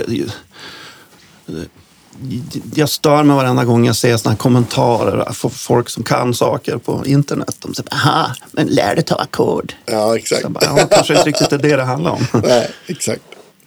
Nej men lågt stämt är ju jättekul. Ja. Det är jag, en, en shameless plug här då. För jag släpper en låt på torsdag den 22 juni. Jag vet inte om det här avsnittet kommer då eller veckan efter. Det är osett än. Men det kommer, och, och, och då skrev jag faktiskt en låt. För det, det är jag och en kanadensisk gitarrist som heter Ariel Posen. Och han spelar jättemycket i B-standard. Så jag skrev en låt utifrån att han stämmer så. Så han spelar på en sån gitarr. Så att det, det är ett mäktigt sound. ja, men det är ju samma sak att slänga på sån här High Nashville. Alltså, Precis. typ de tunna strängarna från ett tolvsträngsset då, eller hur man ska beskriva det. Precis. Det är ju ännu mer udda eftersom Ja visst. Ja, då man inte har halverar någon- man ju liksom, Ja. lösa strängarnas oktavomfång. Och det är ju jättekul. Ja. Jag testade faktiskt det bara förra helgen. Och har, jag har aldrig gjort det förut. Jag har aldrig hållit, jag spelar så lite akustisk gitarr. Men jag tänkte, ja men jag måste ju testa för jag är Som alla gillar ju Tom Petty Jo. naturligtvis. Så jag tänkte, men jag måste ju testa. Åh jävlar. det vart ju skitroligt. Det, låt, det blir så jävla brett. Alltså det låt, eh, man kan ju tänka att slutresultatet om du spelar samma sak som den vanligt stämda gitarren borde ju bli som en tolva. Men det blir ju inte det. Nej. Det blir något annat som tar mindre plats. Ja, Ja, faktiskt. men precis. Blir mer på något sätt. Ja, men det är klart. Tolvor har jag aldrig riktigt förstått mig Nej, på. inte jag heller. Men du nämnde Capo tidigare. Den där till exempel, den här den äldre jumbo. Den låter faktiskt ganska bedrövligt som man är. Men sätter du ett Capo på första band så låter han gudomligt. Ja, vad lustigt. Ja, skitkonstigt. Ja. Jag fattar ingenting. Nej. Får sätta dit ett nollband. ja, egentligen. Egentligen. Ja, men det är så konstigt med, ak- jag tror akustiska instrument är ju, lever ju lite mer sitt eget liv. Jag bytte strängtjocklek, det gick ner från 13 till 12 på en ackgitarr. Som jag tänkte, den här ska jag nog sälja. Helt plötsligt så är det min favorit. Ja. För det var det den ville ha, det var det som var så konstigt. Så att, ja, du får, får ha capo på ett och stämma ner. Jo, men eller hur? Då. Ja, Blir det bättre det då? låter eller? bättre. Ja, Jag har, jag har haft 13, ja, 11, 11 är det tunnaste jag testat på. Det är ingenting som funkar. Ingen skillnad. Nej, 14. Men bara testa stämma ner Nacke en hel ton kanske och sätta dit ett capo så att du är tillbaka på liksom ET. Gör- Ändrar ju soundet ganska mycket. Ja, oh ja, man får ju annan, ja, både mensur och strängtryck. Ja, precis. Men jag undrar om det kan vara fan ett nollband. Det har varit det, det Ja. var ju nästan testa. Mm. Intressant. Efter det här. Precis. Långlunch. Ja, jag får till Leif direkt. Precis. Nej, men sen spelar jag ju stillgitarr också. Ja. Både lapsteel och ehm, eh, sån här pedalsteel. Då. Ja, Och Det är som en annan grej. ja. Pedalsteel-grejset. Apropå det högsta du någonsin hade hört var en uh, hi-watt. Men Det högsta jag någonsin har hört var en PV Session 500 som är en, ett monster från 70-talet Just det. som man ska spela pedalsteel igenom med. 300 transistorwatt och en 15-tummare Ja. som jag just hade köpt, släpat upp i lägenheten och så skulle jag se om den funkar. Så jag pl- jag pluggade in strata i den och tog ett ackord och så lät det ingenting. Och då hade jag inte tryckt i kabeln ordentligt. Så Ja. tryckte jag i kabeln ordentligt och då blev det en 400-500 decibel. Jag höll nästan på att åka ut genom fönstret från tredje våningen. Det var så fruktansvärt högt. Och så lirar man ju, inte riktigt så högt kanske, men man lirar ju rätt högt Lite som Magnus snackade om, eh, Ja. att du har järnet på stärken och så, sen så Ja. gasar du från. Det gör du ju med en pedal steel också för att få så mycket sustain som möjligt. Jo, men precis. Man lever ju Du på reglerar någonstans... volymen med högerfoten. Mi- Mitten på volympedalen är ju liksom Ja. någonstans det som är normalläget på något vis. Ja, Och resten är sustain. ja men exakt. Nej, de där spelar ju fruktansvärt starkt. Ja, det, Och man vill gärna sålde inte den bära där till på den slut heller. för den vägde ju också Ja. ett kilo för varje decibel den producerade. Ja. Eh, Så att, eh, Är det någon av herrarna som har testat en Super Twin Reverb någon gång? jo då, tack. Nej, oj, oj, oj. är det de med fyra? Ja, precis. Fyra Nej, jag kan, kan tänka mig alltså. Jag och Samuel testade ett i vårt garage. Det var, det var ett effektivt sätt att rensa exakt alla hyllor vi hade där. Ja. Spela bort färgen från Nej, men det var nästan så att det kändes som att plomberna skulle lossna. Så det var helt makabert. Det var, men det, det lät så illa. Ja, inte bara högt utan också dåligt. Det, det var, man fick som allt. Man fick allt. Ja, Ja, det är hemskt. Ja, nej, då spelar jag hellre dobro. Som jag också gör. ja, ja, kul. Det är ett jätteroligt instrument. Ja, det är det. är ju så dynamiskt och det kan vara så ganska bra drag i en dobro på något sätt. Du kan ju lira rätt... Ja, det är så mycket effekt, på- eller hur Ja, man ska visst. beskriva det. Ja. Eh, och det kan vara så tunt och skirt och snyggt. Så det, det... Alla borde göra det. Ja, men visst. Om man inte gör det så kan man lyssna på Jerry Douglas och, och häpna över hur det kan låta. Ja, ihåg, Jag såg dem sist de var i Union Station på, på uh, Cirkus var det väl. Då hade Jerry Douglas som solonummer så spelade han Spain av Chick Corea. Fick ett sms från en kompis som är pianist. Han bara, kan man spela det här på? Jag bara, Nej, det kan man inte. Jag förstod det. Night Gore. Är, är då, Dobro ju, resonatgitarr överlag är ju fint, Ja, tycker jag. Ja, jag höll på lite grann med... Du spelar ju Weissenborn och det gjorde jag en liten stund också. Men den bara stod där och jag, det var jätteroligt att spela på den men det är så sällan det behövs. Ja, Liksom, det är inte alla låtar som kräver en Weissenborn och eh, den var inte så där vansinnigt kul heller den jag hade så att den, den rök till slut. Men det är kul med de där instrumenten som är lite mer karaktärsinstrument. röstlika ja, också. precis. Alla slide-grejer liksom där du kan. Jo. Men du spelar rätt mycket. Ja, det gör jag absolut. Ja, men det gör jag. Till och med session. Ja, jag gjorde, jag gjorde bara häromveckan så gjorde jag ju till en, en kollega här en låt. Och faktum var att dagen innan det så spelade jag, det sa jag nog på förra podden, på en låt till Ola Gustafssons soloplatta. Ja, just det. Också, så att, men det, så det har blivit, men, nej, men det, jag gör det inte lika ofta som jag spelar in gitarr till folk. Men det blir några låtar per år i alla fall. Kanske för att man har blivit förknippad med det på något vis. Då blir det ett, så vill folk testa något annat. Så att, ja, men det, det är kul, kul med instrument och olika röster Ja. faktiskt. Ja, De här gångerna man har blivit inkallad att lägga pedal steel på låtar, ja men typ poplåtar och man bara pluggar in den och så nej, nej, nej, nej, du får, det är inte så mycket country, det får inte låta så mycket country. Så, men jag har inte ens börjat spela än. Ja, Kan du inte bara få det att låta som en vanlig gitarr? Bara, jo, i och för sig. Ja. Jag gjorde en inspelning en gång och då, och då var det, var en väldigt ung producent som absolut ville ha slide-gitarr akustiskt. Och så, ja, det låter jättebra men det blir, det blir som något, alltså innan du tar tonen så blir det som ett gnissel. Så bara, ja men jag glider upp till tonen, du kanske ska backa på kompressorn. Ja, kan du testa igen? Och så bara, nej du vet, det, alltså, går det spela, kan du spela utan alla biljuden? Så bara, ja, det, det är svårt. Alltså det låter ju så här. När man spelar, det är ju det som är soundet av slide-gitarr. Så bara, men om du bara spelar tonen då? Så bara, sitter jag bara och frättar tonen så bara. Ding! Ja, det är mycket bättre så här. Ja, men då ska vi inte. Jo, men jag vill ha slide-gitarr. Det ska vara country-feeling. Så, ja. det, det var en lång dag. Ja, det där, Ja, det där händer så ju. kan det vara. Uffe? Ja, jag använder ju, eh, ja men jag är ju en sån där gubb, eh, bluesgubbe. Ja. Så att jag spelar ju mest superreverb och, och sådär med min lilla trio. med ett litet pedalbord.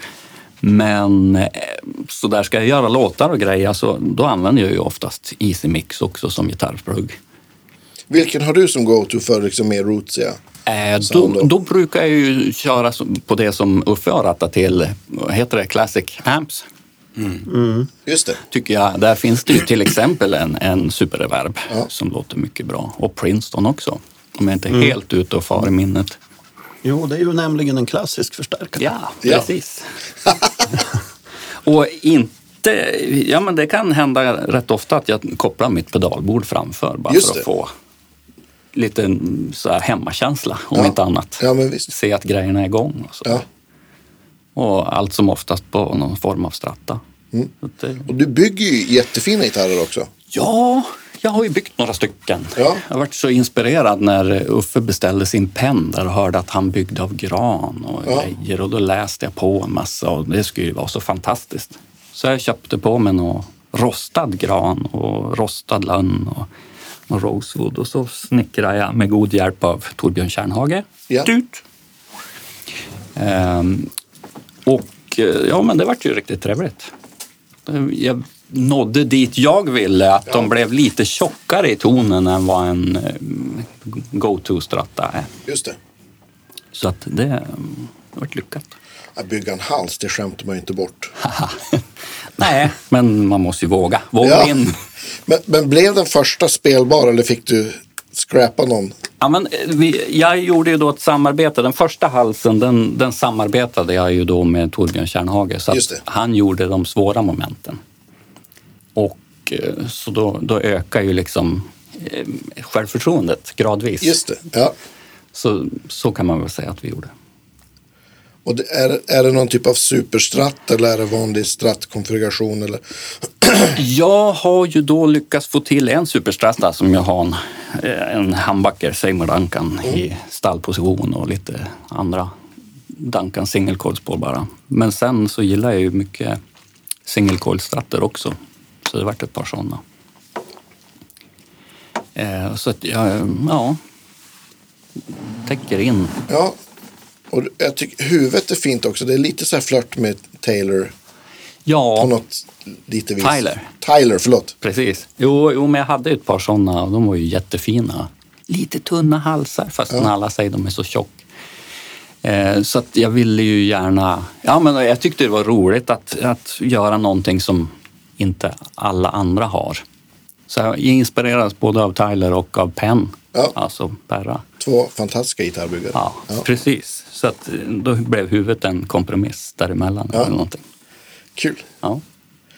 Om man tänker så här, eh, era produkter, hur mycket feedback får ni från, från konsumenter och användare så här, på att ja, men, jag skulle behöva en sån här eller varför har ni inte gjort och hur mycket har ni själv drömt ihop? Jag skulle vilja åka och träffa Eddie Kramer. är det en blandning eller? Ja, det är det ju definitivt. Ja. Alltså vi får ju dagligdags, alltså varenda timme får vi förslag från Ja. användare på vad vi borde göra och inte göra. just det. Och det är vi jätteglada för såklart. Men vi har ju också en väldigt lång lista på vad vi vill göra. Mm, jag förstår det. Så det är ju jätteroligt när man då kan sammanföra de där två så blir det, alla blir glada. Ja. Och det är ju lite kul ändå när man får en sån här, det dyker upp någon på Facebook-sidan eller någon som säger bara, åh kan inte göra, kan inte göra ett sånt här piano? Och så sen, och så har vi just gjort det, så fyra dagar senare så släpper vi ett. Ja. Och vi får då kommentarer, they listened. ja, vi slängde ihop det på Precis. fyra dagar. Precis. Precis. Var det för två och ett halvt år Ja, sedan? men det, så länge vi alla är glada så är ju vi alla glada. Ja. Ja.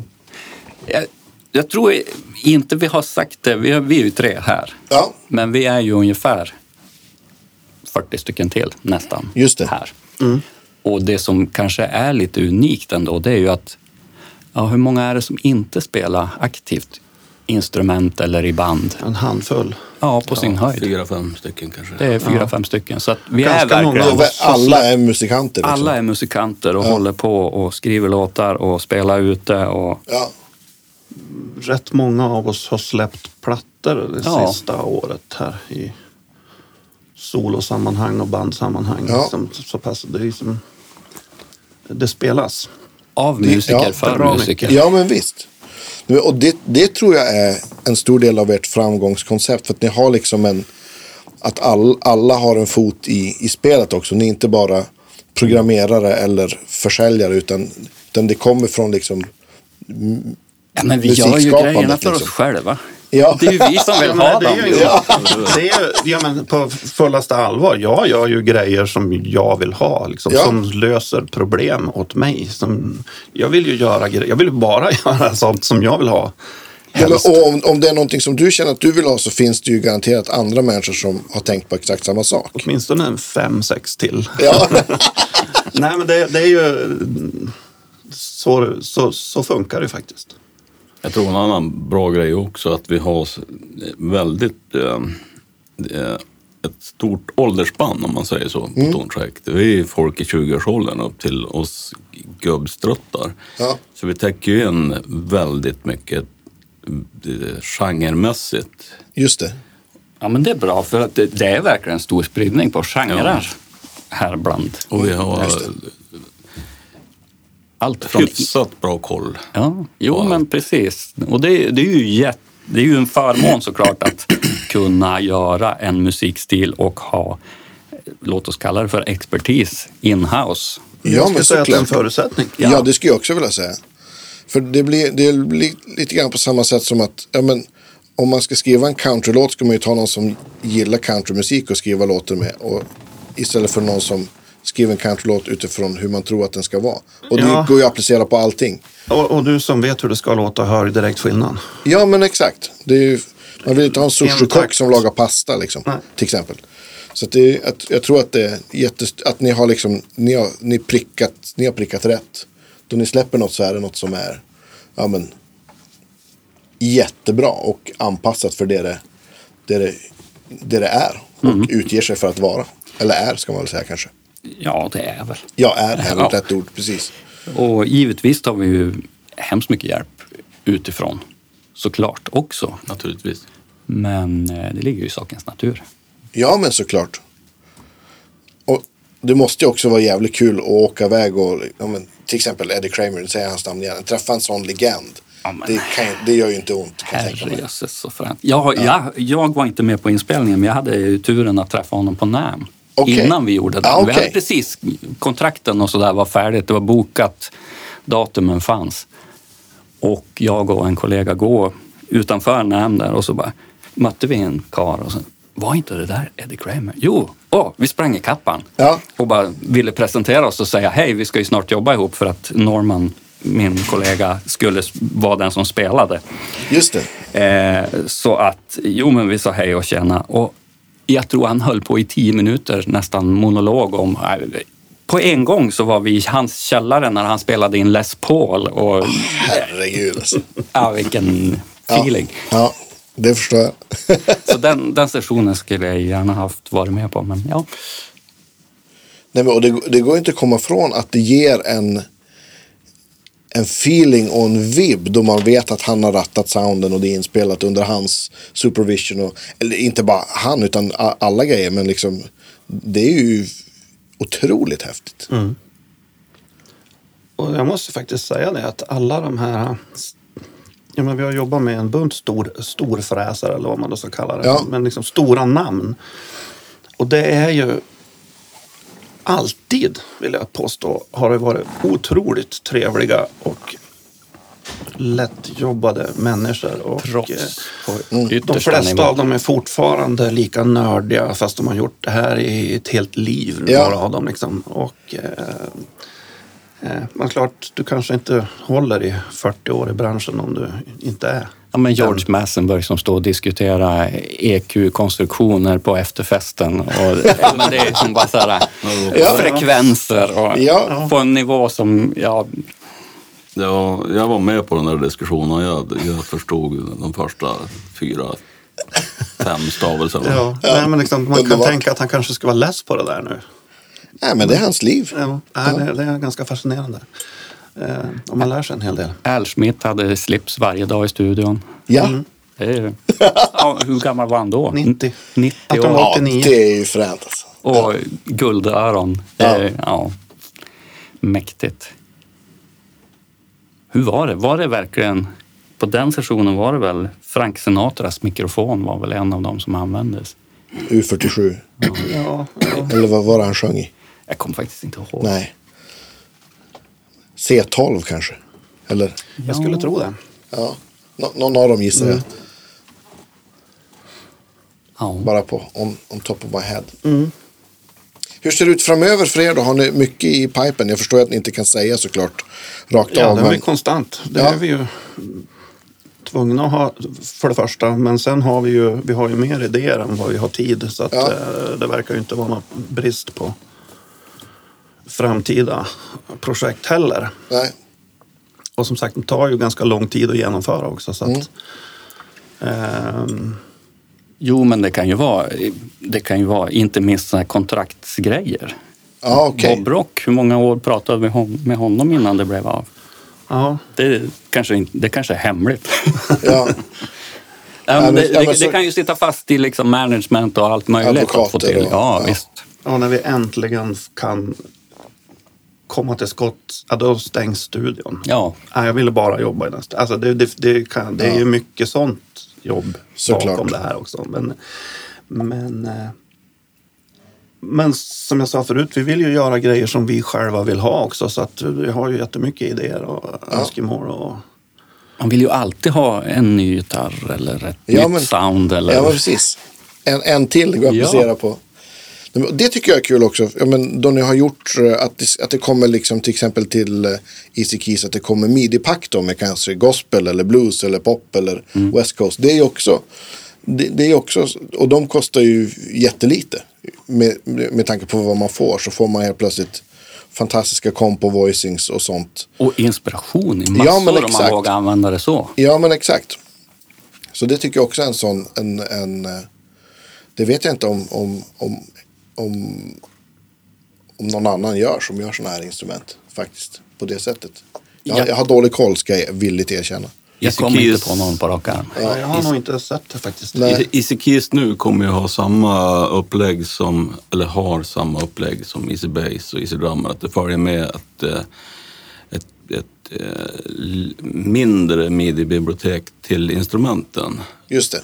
Eh, Så var det inte förut. Och och då har vi alltså ett midi som är anpassat exakt efter just det instrumentet med dess, dess förutsättningar. Till exempel Ja. det senaste som är Soul Roads. Ja, Ja, men var- till exempel. Just det. Elpiano. Mm. Då är det spelat på de instrumenten och anpassat för det. Det går ju naturligtvis att använda det midi till andra instrument också.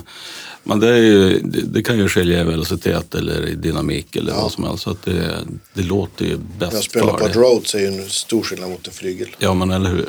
Så att, Men det är ju också lite grann av, får man säga, storheten när vi gör dem själv. Grejen med våra produkter, Easy Drummer, Easy Bass, Easy Keys, att det är så pass lätt att göra det här midit som är, låt oss säga färdigt, kan man tro. Men det är så enkelt i våra grejer att anpassa det till det jag vill ha, inte till det som det var. Utan ja visst. oavsett om det är att byta ackord eller byta rytm eller vad som helst. Eller dynamik. Eller voicing på ackordet. Ja, men precis. Det, det måste, just på Easy Keys, för det finns ju som ett, det är svårt att förklara utan att, ni får gå in och kolla på, på videos om allt det här på, på nätet. Men det här hjulet där man kan välja färgningar och det måste jag ha gått in en bra tankekraft i det alltså. För det är otroligt genomtänkt och på ett väldigt intuitivt sätt. För det är ju det som kan vara problemet tycker jag med, med vissa saker. Att, jo men det låter bra men det är, det är liksom, man måste vara en eh, dataexpert eller ha programmerat det själv för att förstå. Och här är det helt tvärtom. Det är otroligt enkelt att säga adnia, 9, augmented eller diminished eller minor 7 eller vad det nu än är. Mm. Hur, hur, hur, hur gick, jag är bara nyfiken som användare själv, hur gick tänket då ni tog fram den, liksom, de funktionerna? Eller ett spåna ner, vad behöver man ha? Liksom, det, det, här, den måste jag ta en stund. Ja, men då, vi hade ju ingen editor då. Alltså nu har vi en grid editor inbyggt i det. Så nu kan du ju vara Precis. in där och programmera och rita om ditt midi och dra om toner och så. Det gick ju inte att göra i den allra första versionen. Men du måste ju kunna manipulera det på något sätt.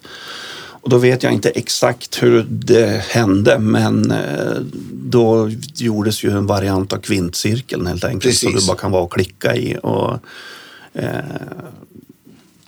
tala om ja, färg, alltså trycka in färgningar och sådana här saker. Ja. Och eh, det var som det enda vettiga sättet då Ja, och, och kunna manipulera det. Det ska gå snabbt och enkelt. Ja, Jag det har ju idén här i huvudet nu. Ja. Jag ska ha ner den nu, inte sitta och fundera. Nej. Och, och det funkar ju. Det, det, alltså det funkar ju över förväntan. Ja. Och nu har den ju bara blivit smartare och smartare. Och nu med då AI så, ja, visst. så kan man ju då lära maskinen att eh, du transponerar inte det här ackordet härifrån och dit på det här sättet utan då gör du ju så här istället. Just det. Du drar inte bara iväg allting. Nej, precis. Bara flytta det så Nej, här. utan, Utan, Mm. du, du tar det på ett annat sätt. Och eh, nu för tiden så fattar den det där. men du måste ju vara, ni lär ju ha ett gäng programmerare som flyttar idéerna till att de faktiskt funkar. Det måste ju också vara en, en process, Ja, Definitivt. kan jag tänka mig. Och de är också musiker. Ja, perfekt! Ja, ja, det är spännande. Att, att man kan både programmera och spela musik. Ja, Ja. Kanske lite samma hjärna ändå. Ja, förmodligen. Ja. Va, vad har vi glömt? Vi, har vi glömt någonting? jag vet inte. Jo, vi har glömt en sak. Hade du en nyhet? Oh. Jo, jag har en liten nyhet. Där man eh, har ju den stora glädjen att meddela att Guitarstyle Museum har fått förlängt stöd från kommunen i fyra år till. Ja, vad kul. För det var väl lite på varför de nu ska, ens skulle f- fundera på att inte göra det kan inte jag förstå. Men Nej, jag, nej. Nej. Signalpolitik kanske Men- det kallas. Men bortsett från det, nej men det är ju fantastiskt roligt. vad kul. För För det, du har ju varit mycket inblandad i, i Guitar Museum också. Ja, ja. exakt. Som, eh, exakt. Innan jag började här då jobbade jag som industridesigner. Och eh, är även gammal kompis med tvillingarna. Mm. Och blev tillfrågad att designa första museet. Och då gjorde vi det. Jag gick in med hull och hår och skämtade om att jo, det här blev ju bra, men förstå nästa museum vi kommer att rita, det kommer bli helt fantastiskt. Sa vi skämtsamt. Ja. Så sen gick det inte många år så blev det ett till museum Ja. som skulle ritas från scratch. Försöka återanvända det som går att återanvända. Och så sen, eh, fast göra det ännu bättre. Så det var ju faktiskt skönt att vi fick den chansen. och- För då har vi ju lärt oss en massa. Så att, nej, det är helt Och fantastiskt. det att blev får- ju faktiskt ännu bättre. det blev faktiskt ja, det blev det bättre. faktiskt. Jag instämmer. Och att det också är i ett, i ett, sånt, i ett sånt kulturhus är ju bara helt perfekt. Jo, tycker jag. det är verkligen. Klockrent. Tillgängligheten och Ja. all, alla besökare där som... Ja, det är magiskt häftigt. Mm. Så det är kul. Det är en st- stor sak för Umeå. Ja, men oh ja, verkligen. Och det, jag tror att det... Ja, jag har sagt det flera gånger, men för alla er som inte har varit på Gitarrmuseet, det, det är värt en, en resa till Umeå. Tio gånger om. Det är helt fantastiskt. Ja.